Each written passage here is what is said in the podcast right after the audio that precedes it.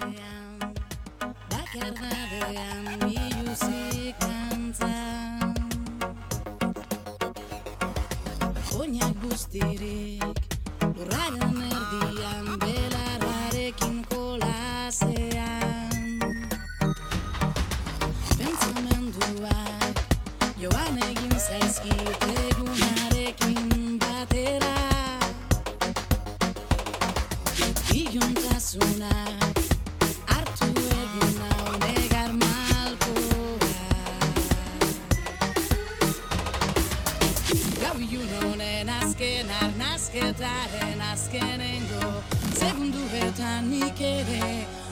Oiukatu egingo dut Munduak azten banau Lur honek azkatzen banau.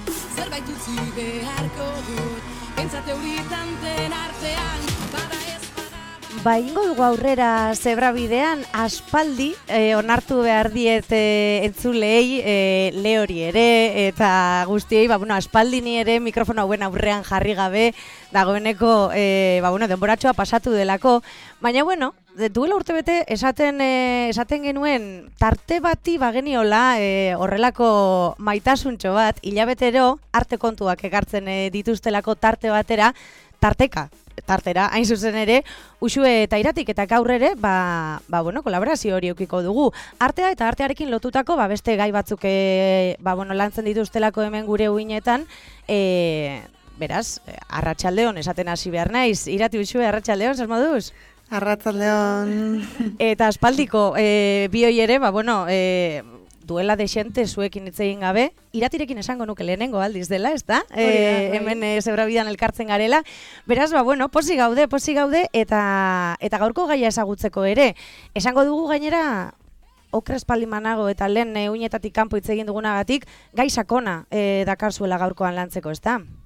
E, bai, gaurkoan, e, bueno, zeo zer e, berezia karren genuen, bue, bueno, beti izaten da berezia e, artearen arloan mugitzen garelako, baina, bueno, e, bezetan esan dugunez, ba, gustatzen zaigu pizka disiplinatik disiplinara e, salto egitea, ez? disiplina mugatu alba dira, ba, bueno, salto txoiek ematea, eta horrekoetan, ba, musikan ibilitakoak ekarri ditugu, e, beste batzuk pinturan eta eta gaurkoan ba nahi genuen e, ilustraziora, komik egintzara eta marrazki egintzara saltu egin eta horregatik ba bueno, azken boladan e, e, bueno, leku ezberdinetan ikusi izan dugun e, izen bat ekarri nahi izan dugu tartekara eta hause da e, Josune, Josune Urrutia.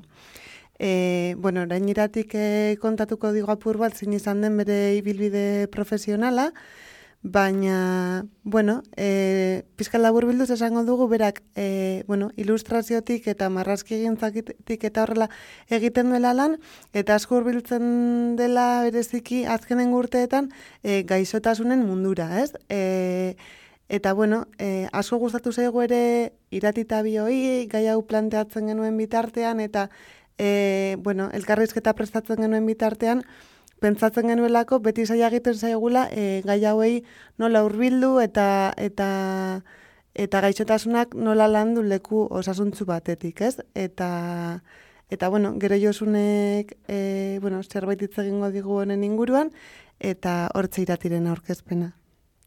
Bueno, ba, e, usuek esan bezala, e, Josune artista bizuala ilustratzailea eta marrazkigilea da, Bilbon jaioa eta bueno, leku desberdinetan bizi izan dena. Eta Euskal Herriko Unibertsitatean arte derrak ikasi ondoren, e, Madrilgo Eskola Arte 10en ilustrazio ikasi zuen eta hamar urtez diseinatzaile grafiko bezala eta webgunen diseinuan lanean aritu da. Eta gaur egun e, irakaskuntzan, ilustrazioan eta komikigintzan diardu. 2008 geroztik, marrazketa eta gaixotasunaren inguruan ikerketa sorkuntza edo da hezkuntza proiektuak garatu ditu, bereziki minbiriziaren inguruan, bere esperientzia auto, autobiografiko autobiografikoarekin eta ikuspegi sozialarekin ustartzeko intentzio daukala dio. E, bere lan artean, ba, aurkitzen dira Asime Beo, e, breve diccionario enciclopédico ilustrado de mi cáncer, kompendio kolektibo sobre mi cáncer eta eta beste horren beste. Eta, bueno, Hor jarraitzen duzu josune? Bai, bai, hemen nago. Hitz egiten hasten gara eta gero. Bale, ba, bueno, e, apur bat ja, salantza, e, apur bat pertsonala zen hau, ez? Iratita biok zure ibilbidea ikusten genuen bitartean, ba, gure buruari galdetzen genion, ea nola jo zenuen e, irudigintza eta komikigintzara, e, bueno, zure karrera profesionala aztertu dugu, eta arte derretatik nola egin zenuen e, adierazpen artistiko hoietara salto, eta zergatik hautatu zenuen bide hori, zer albidetzen dizu adierazpen mota honek, beste batzuk igualde albidetzen ez dizutena. Ba, bueno, lehen da bizi, e, bari, e, ni beti denik marrastu dut, eta marrazketa oso, bueno, asko, asko gustatzen zait, beti denik txikitatik, ez? Hori, ba, arte derak ikasi nuen, eta, bueno, e, naiz eta diseinatzaile bezala lan egin, esan duzuen bezala, ba, nire minbiziaren ostean, e, irudigintzari edo ilustrazioari apostua egitea e, erabaki nuen. Osea, esperientzia horrek e, bide honetara eraman ninduen. Eta, bueno, komikiak ere bai, beti denik e, irakurri ditut, asko gustatu zaizkit, e, irakurle zalea naiz. Eta, bueno, sendotze prozesuan, e, minbiziaren sendotze prozesuan, asko irakurri nuen bebai, eta, eta bueno, mm, gaixotasunari e, e, edo minbizari buruz hitz egiten duten komikiak e, ezen erraza aurkitzea. Eta nire ustez, ba, horregaitik hori hori izan da ere bai, e, ba, arrazoi bat e, komikia egiteko, ez da? E, ze, orain dela amabi urtetaz ari gara hitz egiten, esan nire minbizia, bi mila eta maika amarrean izan zen, eta, bueno, ba, garai hartan komikiren bat aurkitu zenezake, baina baina ez beste. Hor zeuden Cancer Vixen Marisa Marchetorena, edo Moms Cancer Brian Fiesena, eh, eh, Alicia en un mundo real, Isabel Frank eta Susana Martinena, baina, bueno, para de contar, osea, suerte orain gero eta gehiago aurkitzen dira, baina, bueno, gauza berria da. Eta uste dut e, hori izan zen e, arrazoi bat, ez? E, ez nik egin dut e, aurkitzen ez nuen liburua e, komikionekin, baina, bueno, ez dakit e, ondo ez, e, esan dudan e, zuen e, bai, bai, galderari, bai? Hori da, hortik urbildu zinen, bai. Bai, hortik. Bueno, ere bai esan, esan dezaket, ba, bueno, e, 2000 da marretatik e, ona, minbizari buruzko hainbat proiektuetan lan egin dudala, e, lan hildo bat, e, bueno, e, daukadala, eta hori da, mm. gaixotasuna eta minbizia interesatzen zait, nola, mm bueno, nola ari garen sozialki e, horretan, Eta, bueno, lehen proiektuaren eta orain plazaratu den komikiaren artean, sekuentzia logiko bat dagoela esan, esan genezake. Ezaki hori e, nahi baldin baduzue e, azaltzea, edo esango dut orain, edo... Bai, adibidez, oza, bai? zure, zure ibilbidea, vale. ez, eta zure nondik norako vale. ere nola aldatu duen zure lana, ba, bai. interesgarri bai, esan bai, litzateke ezagutzea. Bale, ba, bibila barrean hori, obarien bizia diagnostikatu zidaten, eta ebakuntza kirurgikoak, tratamenduak eta sendatze prozesuan zehar e, ba, marraskia berreskuratu nuen. E, beti danik marras, marrasketan ari naiz, baina, baina ez hain, hain bueno, ba, ez egunero, ez? E, eta dela amar urte, ba, hori, e, gaixotasunaren esperientziarekin, e, batera, ba, marraskia berreskuratu nuen. E, lehen da bizi, e, 2000 da mazazpian breve dizionari enziklopediko ilustrato de mi cáncer egin nuen, eta hau hitza eta ilustrazioaren bidez nire minbiziarekin bizi nuen esperientzia pertsonalari buruz hitz egiten du. Eta gero, e, iz, iztegi personal horren ondoren, kompendio kolektibo ilustrado sobre cáncer e, egin nuen. E, La Panera Arte Zentroaren eta Jeidako Arnau de Vilanova Hospitalarekin batera, ospitaleko komunitate osoak parte hartu zuen eta proiektu honetan pazienteak, ez, gaixoak, osasun arloko langileak, familia eta medikuak, e, hau da, komunitate osoa, ez, e, ospital komunitate osoa parte hartu zuen e, proiektu honetan. Eta tailer batzuk egin ondoren, e, ba, ba, kompendio kolektibo ilustrado sobre cáncer e, liburua argitaratu eta edizio egin genuen eta argitaratu genuen, bai. Mm. Eta gero, ba, komikia dator.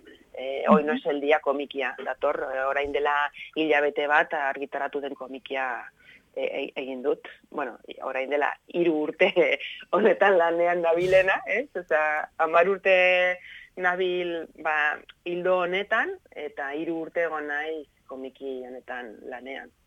Eta esan behar da Euskal Herritik behintzat, eskaparate askotan ikusten den komiki badela azken boladan.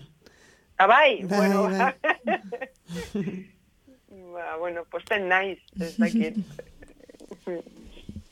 Eta bueno, es, esan dugu zunaren arira, ez? E, ba, nola el kompendio del cáncer, ez? Egin zenuen liburu hori tailerretan, tailer desberdinetan oinarritutakoa, ez? Ba, badago esaldi bat hori markatzen duena bastante, ez? Badela lo personal es politiko, ez? Eta mm. esaldi horrek e, gure relatoak eraikitzeko ba, e, ba, txertatu izan dugu e, historian zehar, ez? Eta eta bai. ikusi dugunaren arabera, ba, zaila da jakitea esaldi hori noiztik erabiltzen den, baina, mm. bueno, usue egin du ikerketa sakon bat, eta eta esan behar da, ba, e, Karol Janis izeneko idazle baten irurogeita amarreko, o irurogeita amargarreneko amargadan zabaldu zen arren, ba, esaldi hori, ba, aspaldi, aspalditik erabiltzen dela, eta igual hogeita margarren amarkadan duela bere etorria. Eta zure lanean, bereziki, ba, ikusten da, e, ba, zure la, bizipen pertsonalak e, kontatzen dituzula, baina bai individualki zein gizartearen gatazka bezala. Eta askotan, ba, gaizki egona eta gatazka pertsonalak politizatzea eta gizarteko arazo partekatu bat bezala kontatzea, e, kostatzen zaigu. Baina, baina zure kasuan, ez, e, e, individualen eta sozialaren arteko arresirik jartzen ez duzun lan bat garatzen duzu, e, ba, bereziki zaila diren e, gai batzuk e, tratatzeko, ez? Eta hitz egin aldi guzu e, gehiago lanketa honen inguruan. Mm. Bai, bueno, eh, pertsonalki asko interesatzen zait gaixotasunarekin eta euskortasunarekin nola bizi garen. E, beharrezkoa dela, e, bueno, horri buruz erreflexio bat egitea, ez? E, hausnaketa egitea. Gure harremanak errealitate honekin, auskortasunarekin, gaixotasunarekin eta bizitzarekin e, nola egiten eraikitzen diren e, gaixotasunarekiko kontakizunak zeinek diren, zein, zein, zeinek dira diren ikuspuntuak, nortzuk diren historia hauen protagonistak, eta bar, osea, onelako e, gauzak e, oso interesgarriak dira niretzat, eta, bueno, beharrezkoak direla uste dut. E, eta, bueno, ze gaixotasuna bizitzaren partea da, baina ez zaigu alde horretara begiratzea gustatzen, ez? Em, eraizki dugun gizarte honetan oso zaila da, e, produktiboa ez den bizitza mantentzea, hori badakigu, e, pandemiarekin bapatean dirudi nabaritu dugula edo nabaritzen ari garela, ez da? Eta, mm bueno, ba, baldintza ekonomikoak piso handia daukate, gure gizartetan, produktiboak izan behar gara, baina naiz eta kontrolatzen zaiatzen garen, osasuna eta gaixotasuna ezin dugu guztiz kontrolatu eta bueno, noski ba osasuna eta gaixotasunarekin bizitzeko edo begiratzeko modu ezberdin asko daude. Eta nire komikiak, eh, oza, nire komikian saiatu nahi zena da, ba, zei emakume ezberdinen hauen istorioak eta beraien begiradak eta lanak erakustea. E, emakume hauek ba, irurogeita mar, larogei eta larogeita margarren amarkadetan minbiziarekin bizi ziren, e, eta bereien ikuspuntua, esperientzia eta lana oso interesgarria eta gaur egungo e, ba, baliogarria dela uste dut. Mm. Mhm. Bai, eta kontatzen duzunaren arira, ez? E, ikusten genuen hola Susan Sontag idazle Amerikarraren inguruko bueno, berreskuratze bat egiten duzula, eta konkretuki ikusi du gaipatuta e, esaldi hau. Zito. Badakigu gaizotasunaren ospeak edo erreputazioak berak jasaten e, dutenengan sufrimendua areagotzen duela. Metafora hauekin amaitzen lagunduko gaituzten tresnak behar ditugu. Zuk uste duzu artea marrazkigintza eta komikigintza adibidez tresna bat izan daitezkela horretarako? Bai, total, total. Nik uste dut artea e, tresna oso boteretsua dela. E, bueno, nire, ni, nire esperientzia eta zitzen dezaket, ez da, eta bueno, nire osasun krisian tratamendu eta sendatze prozesuan zehar marrasketa oso, oso tresna erabilgarria izan zen niretzat. Ze marraskiaren bidez nire burua begiratu ikusi eta e, eta ba, batean berriro nire burua aurkitu. E, aurkitu nezake. E, lehenengo nire barne prozesurako eta gero bestekin partekatzeko. Nire esperientzia eta pentsamendua azaltzeko erabatetan marrazkia, osea, edo marrazketa tresna bezala e, e, erabili dudala ulertzen dut. Eta, bueno, ba, mundua ulertzeko eta bakoitzak bere burua ulertzeko artea oso tresna erabilgarria dela uste dut. E, mm eh, asko, asko interesatzen zait, marrazketaren bidez e, gure begira da, e, nola eraikitzen dugun, e, eta, bueno, ba, John Bergerrek esaten du, ez? Begiratzeko esperientzia e, garatzea, osea, hori, begiratzeko esperientzia garatzea da interesatzen zaidana. E, ze marrazketa lenguaia unibertsala da, e, idatzi baino lehenago txikitatik marrazten dugu, hmm. denok marrazten dugu, e, marraz dezakegu, bakoitzak bere marra edo hautsa dauka, e, trebetasuna alde batera utzita praktika kontua da. E, eta bueno, Susan Sontag, Godre Lord, Joe Spence, Hannah Wilke, Ana Halprin eta Beatriz da Costa, e, mm. hoy no es el día komikian agertzen diren emakume hauek, bakoitzak mm, bere erara, artearen bidez, bere disiplina edo baliabide ezberdinen bidez, e, gaixotasunarekiko harremanak eraldatzeko kezka eta konpromiso soziala e, eta politikoa espresatzen dute. Bai. E, eta bueno, ba, beraien lanetan e, jarrera, jarrera e, transformazio sozialaren borondatea dagoela e, esan genezake. Osa, bueno, pentsatzen dut. E, bai, eta, bueno, bai. bai. Mm, hori da. Gaixotasunari buruzko errelato e, edo narratiba ezberdinak eta anitzak behar ditugula uste dut, bai. Eta, bueno, horretarako artea, pues, tresna oso bat deretsua da. Bai, askotan arteak e, baizuk esan bezala, ez laguntzen dizu e, zure burua ezagutzen, eta gainera uste tailerren bat egin duzula horren inguruan, ez? Artearen bide zure burua ezagutzeko... Bai, bai, bi, bi, bi, eta amabostean, Así me veo liburua argitaratu nuen, eta hori da, e, marrasketaren bidez, e, autorretratua, auto, autorretratuari, autorretratuarekiko urbilketa bat da. Osea, bakoitza bere buruari e, begiratzeko e, marrasketaren bidez e, e, e, ejertizio, e, eh arkiketa bai, eh, arkiketa batzu dira hori da eskerrik asko eragita bai hori da bai hori 2015ean egin genuen bai eh hasi me bai mm. Mm. Jo, ba, oso interesgarria, ez, esaten duzuna, eta eta nola arteak ba, badaukan gaitasun hori. Eta, eta bueno, nola zure biografian aipatu dugun bezala, e, jakin dugu medikuntza grafikoko masterreako irakaslea zarela, Eta, eta bueno, guretzat hori izan da oso kontzeptu e, berria. ez? Ez genuen ezagutzen, eta ez genuen ere e, disiplina hori existitzen zenik ere. Eta, eta bueno, ba, medikuntza grafiko kontzeptu hori, e, erabiltzen da normalean, ba, osasun gintzako infografiak, novela grafikoak eta komikian sorkuntza egiteko, ez? Eta eta medikuntza nola bait, e, zabal, zabaltzeko e, gizartean, ez? Eta, ba, nolatan hasi zinen zu master horretan lanean, eta nolako esperientzia biz izan duzu bertan e, irakasten, eta horrelako gai berritzaile bat zabaltzen. Bueno, a ber, nik ez dut zabaltzen, eh? E, ni, nire mi bizaren garaian, 2000 da mairigan gitzu gara bera, ba, graphic medicine, mugimendua interneten aurkitu nuen. E, bueno, ba, ni nire parekoen historiak bilatzen ari nintzen, minbiziarekin bizi izan ziren pertsonen historioak eta, bueno, komikiek edo, edo lanak e, e, bilatzen ari nintzen, eta, bueno, ba, webgune hori topatu nuen, e, Graphic Medicine.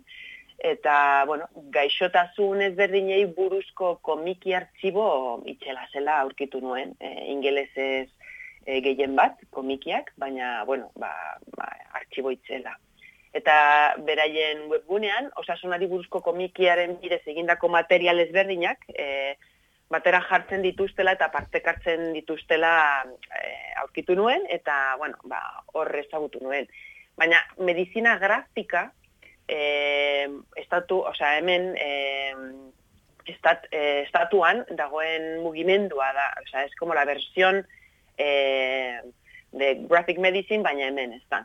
E, ze graphic medicine da Britania handian eta estatu batuetan e, E, e, egin zuten mugimendua e, eta bueno bari profesional talde, talde interdisciplinalen eh o sea komikiak eta infografiak osasunerako tresna bezala mm. erabiltzen duten talde interdisciplinarra egiten dute eta bai. hori sortu zen 2007an eta zertarako balio du hau ba osasun profesionalei gaixotasunarekin bizitzea nola den ulertzeko, e, esperientziak partekartzeko, e, gehien bat, tresna bezala, gaixoen artean, edo gaixo eta familien artean, edo mediku eta gaixoen artean, medikuntza ikasten ari diren entzako ere bai, e, eta, bueno, bari, osasun zerbitzuak ere gizati hartu, e, edo bai. gizati hartzeko, bai. eta, bueno, informazio komplexuak azaltzeko. E,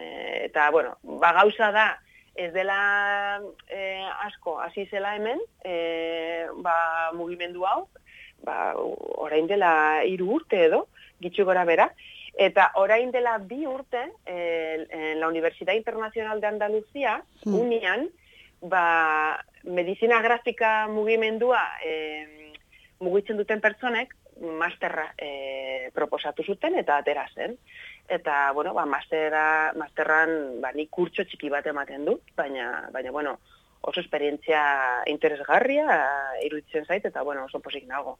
Hor bai. kurtsoa ematen, bai. Ba hori, ze, ez, ez da artean ari diren pertsonekin lanean egotea, baizik eta, bueno, ba, medikuntzan edo osasun arloan dauden pertsonekin, ba, mm, hori, e, komikerekin nola, nola lenguaia nola erabili beraien e, gauzak azaltzeko eta bueno, ba oso oso interesgarria da. Bai. Eta gustatzen zaitu esaten duzun hori ez eta igualenago hitz egin dugu horren inguruan e, irudiak ze gaitasun daukan batzutan e, realitatea konplezutzeko edo edo kontrasankorrak diren realitate irrate e, realitateak islatzeko testuarekin batzuetan e, ezin garena heldu, ez? Hori da. Eta irudiak hor badu paper, eta arteak ez, badu e, paper beharrezko bat. Hori da, hori da, mm. bai. Komplementu oso, oza, ez, ez da komplementu, bueno, ezke batera, beste hitza hitza idatzita, eta marraskia batera, beste, beste, Bai, irugarren gauza bat. Bai. Hori, irugarren gauza bat da, hori da, hori da. bai, oso ondo esaldu duzu, bai. Ba, bueno, eta karri dugu saiora ere, beste, bueno, e, artista bat, ez dakit ezagutuko duzun, joven dela perla? Bai, bai ezagutzen du. Bueno, e, bueno badakit zuleku askotan bizi izan zarela eta asko mugitzen zarela zure lanagatik, eta, bueno, igual noiz bait konziditu duzue, eta, bueno, gehien bat saioa izteko bere performance batean botatzen duen olerkizati bat jarriko dugu, Eta, eta, bueno, honekin saioa izten joan genuen, eta bereziki eskerrak eman, e, bueno, zure denbora gurekin partekatu izanagatik, eta hemen gaude irurak, pospozik e, zure gauzatxoak entzuten. Jo, eskerrik asko zuei.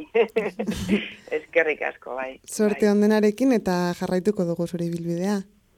Vale, ba, mila esker, mila esker dena besarkadandia. Berdin, besarkada bat. Besarkada bat, zuri. Urren, arte. Agur. Bale, agur. Alguna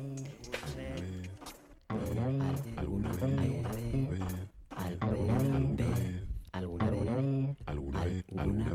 vez, alguna vez, alguna vez, alguna vez, alguna vez, alguna vez, alguna vez, alguna vez.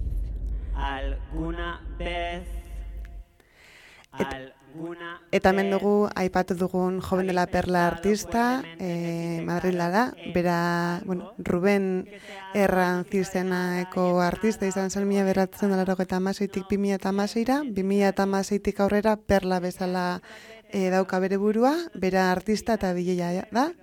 Arte derrak ikasi zituen Madrilgo e, Unibertsitate Kompluten, eta, bueno, Carmen Garziarekin batera, e, merkantzia izeneko e, bikote musikal bat osatzen dute, e, sudor kolektiboaren partaile bada, eta La Vida en Rosa y la revista CRG e, fundazioarekin kolaboratzen du. E, berak minbizi prozesu bat pairatzen du ere, eta artearen bidez eta musikaren bidez e, modu oso anitzetan eta interdisciplinarretan e, e, irakurketa berriak sortu ditu eta relato berriak sortu ditu minbiziaren inguruan. E, leku interneten irakurri dugun bezala ez, berak gaixotasuna norabide aldaketa giza ulertzen du, tratamenduak eragiten dituen aldaketa kontrola zinei e, erantzuteko erramenta bat bezala, eta zure gorputzaren gat, arreta jartzera bideratzen e, zaituen prozesu bada, bere prozesuaren eta gorputzaren prozesuaren e, aldaketaren analizi bat burutzeko e, aukera ematen dizun gaixotasuna da. E, joven de la perla ez da ez gizon ez emakumen, e, joven dela perla gaizotasun batetik jaio dela dio eta tratamendu batetik, tumore batetik jaio dela dio.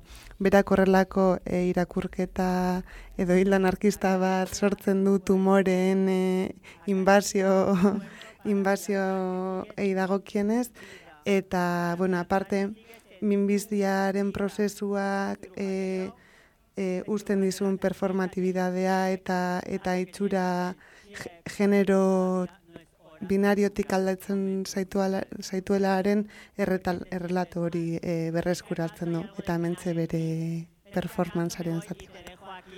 Me voy, os dejo aquí, me voy y te dejo a ti, ti, ti, me voy y lo dejo aquí, me voy, os dejo aquí, me voy y te dejo a ti, ti, ti, me voy y lo dejo aquí, me voy, os dejo aquí, me voy y te dejo a ti, ti, ti, me voy y lo dejo aquí, me voy, os dejo aquí, me voy y te dejo a ti, ti, ti. Bueno, ba, hause entzun eta gero tarte amaitzeko ordua iritsi zaigu, usue irati, eh, eskerrik asko bene benetan, zebra bidera horrelako kontuak ekartzegatik, gaurkoa beste behin ere, oso interesgarria, zue bioi eta noski josuneri ere eskerrak ekarri, ekarri digun guztiagatik. Datorren hilabetean berriro ere gongo gara, zuen zai egongo gara hemen, posposik zebra bidean berriro ere. Beraz esan dakoa, eskerrik asko, urrengor arte, eta ondo amaitu astea. Ba, berdin eta mila esker zuri ere, maialen, e, beste behin joki dugulako aukera zure hau txautzuteko zebra bidearen ubinetan, eta, eta bueno, ba, plazer bat esan duzu mesela. Gehiagotan espero zaitugu. ba, horrela izan da dila. Urren arte. Agur. Agur.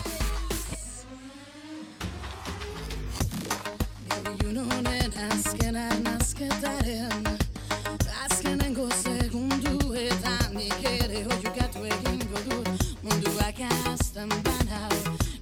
Luronek askatzen banau. Zerbait utzi beharko dut Behintzat euritanten artean